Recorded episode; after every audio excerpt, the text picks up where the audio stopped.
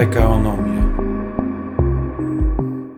Dlaczego wspieramy polską koszykówkę? Dzisiaj o tym chcemy rozmawiać. Witamy bardzo serdecznie naszym gościem. Dzisiaj Piotr Bartkiewicz, ekonomista Banku PKO SA. Witam Cię, Piotr. Dzień dobry. Powiemy za chwilę, dlaczego wspieramy polską koszykówkę, bo jak wiemy, żubr już jest obecny na parkietach koszykarskich. Natomiast najpierw, Piotr, do Ciebie pytanie, kiedy ostatnio grałeś w kosza? Grałem w kosze 12 lat temu. No moje najlepsze wspomnienie z koszykówką jest takie, że miałem jedynkę z dwutaktów w ósmej klasie, więc no oprócz tego, że nie miałem warunków fizycznych, to, to te, te warunki, które miałem też nie były wykorzystywane do, do, do maksimum. Także nie, nie jestem osobą, którą warto pytać o to, jak grać.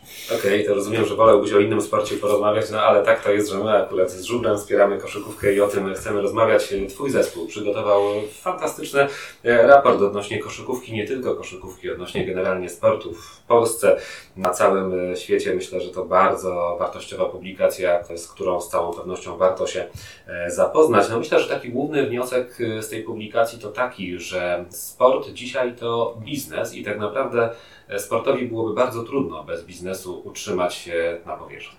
Oczywiście. Sport to ogromny biznes, tylko po pierwsze, największy biznes dotyczy największych klubów, największych gwiazd, wielkich zespołów niektórych krajów. Tak? Największe kluby na świecie są często warte po kilka miliardów dolarów, więc więcej niż, niż niejedno duże przedsiębiorstwo w Polsce. Natomiast wiemy też, że to są często dane sprzed pandemii, która była dość problematyczna dla branży sportu na całym świecie, z tego względu, że zniknęło jedno z głównych źródeł dochodu dla klubów sportowych i dla przedsiębiorstw działających w tej branży, jakim są wpływy z, z biletów, jakim jest obecność widowni na stadionach i obiektach sportowych, bo to nie tylko zakup biletów, to także zakup wszystkiego, co, co towarzyszy z meczom, tak, napojów, karnetów, sprzętu, czy nawet gadżetów związanych z, z ukochanymi klubami. To wszystko, to źródło wyschło na, na, na, na ponad rok. Ale sport przetrwał i chyba możemy też z całą pewnością powiedzieć, że będzie cały czas trwał, mimo tego, że te kłopoty były, że oglądaliśmy mecze właściwie czy inne dyscypliny sportu tylko i wyłącznie w telewizji, bo na boiskach tego po prostu nie można było robić. Natomiast pytanie Piotr do Ciebie, jak na bazie ogólnoświatowego sportu wypada koszykówka, bo może się wydawać, że to jest jednak jeden z najbardziej popularnych sportów. To prawda. To jest, na świecie to jest jeden z najpopularniejszych sportów. Trzeci najpopularniejszy, jeżeli chodzi o liczbę widzów. Drugi najpopularniejszy, jeżeli chodzi o to, no, ile jest federacji na, na świecie. Kluby koszykarskie są jednymi z, z największych na świecie, więc znowu to jest jeden z w top 3 największych światowych biznesów. W Europie może jest to nieco mniej popularna dyscyplina z tego względu, że no my jesteśmy dość mocno zafiksowani jednak na, na piłce nożnej. Natomiast w wielu krajach europejskich to jest druga najpopularniejsza drużyna, na przykład w Hiszpanii, Grecji, w Turcji, ogólnie w krajach południa Europy. Koszykówka jest bardzo popularna, a gdybyśmy spojrzeli bliżej Polski, to na przykład na Litwie, to, która ma kilka bardzo fajnych historii koszykarskich. To jest topowy sport. Na tym tle Polska plasuje się, no myślę, że mniej więcej gdzieś pośrodku stawki. Nie jesteśmy ani krajem z dużą popularnością, ani nie jesteśmy krajem, gdzie koszykówka byłaby kompletnie nieznanym sportem. Jest miejscem, gdzie na pewno ma duży potencjał i jest też miejscem, gdzie jest chętnie ćwiczona przez, przez, przez dzieci, przez młodzież, przez obywateli. Ale jednak piłka nożna także w Polsce górą zdecydowaną, chociaż jak kiedyś mi ktoś powiedział, w piłkę nożną to przynajmniej trzeba grać we dwie osoby, a w koszykówkę wystarczy jedna. Teoretycznie tak, natomiast żeby rozegrać mecz potrzeba jednak pięciu zawodników, prawda? Tak, no chyba, że jest to 3 na 3, no to wtedy oczywiście wystarczy drużyna trzyosobowa, a tutaj jak wiemy w tej takiej dyscyplinie dość nowej sportu na jednego kosza akurat Polacy fantastycznie sobie radzą, są w czołówce, są brązowymi medalistami Mistrzostw Świata. No właśnie, koszykówka w Polsce. Myślę, że bardzo ciekawa informacja, którą tutaj znajdziemy.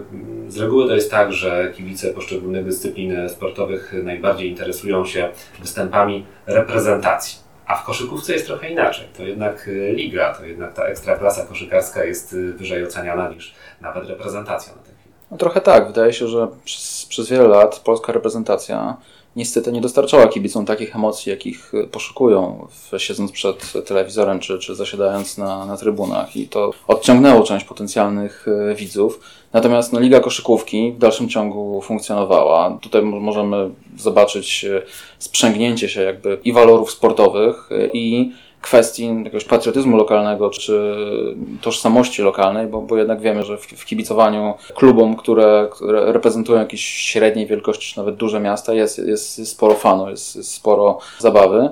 Natomiast wiemy też, że Polska Liga Koszykówki jest, to ciekawe, dość widowiskowa w tym sensie, że no, zawodnicy zdobywają relatywnie dużo punktów, więcej niż średnia europejska, więc ona teoretycznie może się podobać i przeciętny kibic koszykówki w Polsce no, prawie na pewno ogląda Ligę Koszykówki.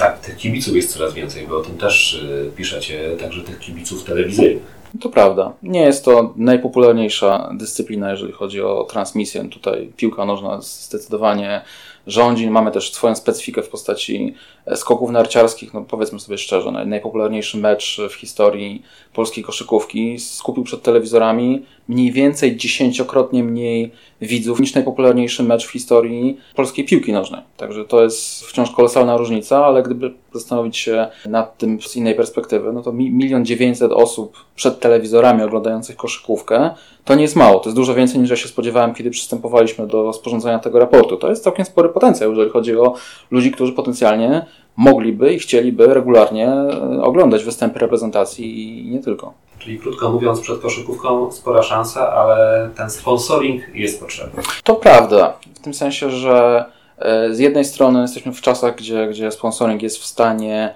wypełnić pewną lukę w przychodach, którą, którą wiele przedsiębiorstw czy wiele klubów może ogólnie jakby cały, cały sektor miał z powodu utraty wpływów z biletów. Z drugiej strony oczywiście jest też spory potencjał w tym sensie, że w tym momencie wiele dzieci gra w koszykówkę. To jest jeden z najpopularniejszych sportów zespołowych. Potem, kiedy stajemy się starsi, kiedy pojawiają się obowiązki rodzinne, zawodowe, no to popularność sportów zespołowych spada, ale do pewnego momentu to jest wciąż jeden z najpopularniejszych regularnie uprawianych sportów w Polsce. To jest trzeci najpopularniejszy sport zespołowy. To jest wciąż dość duża baza, na której możemy budować grupę wiernych kibiców i grupę wiernych ćwiczących.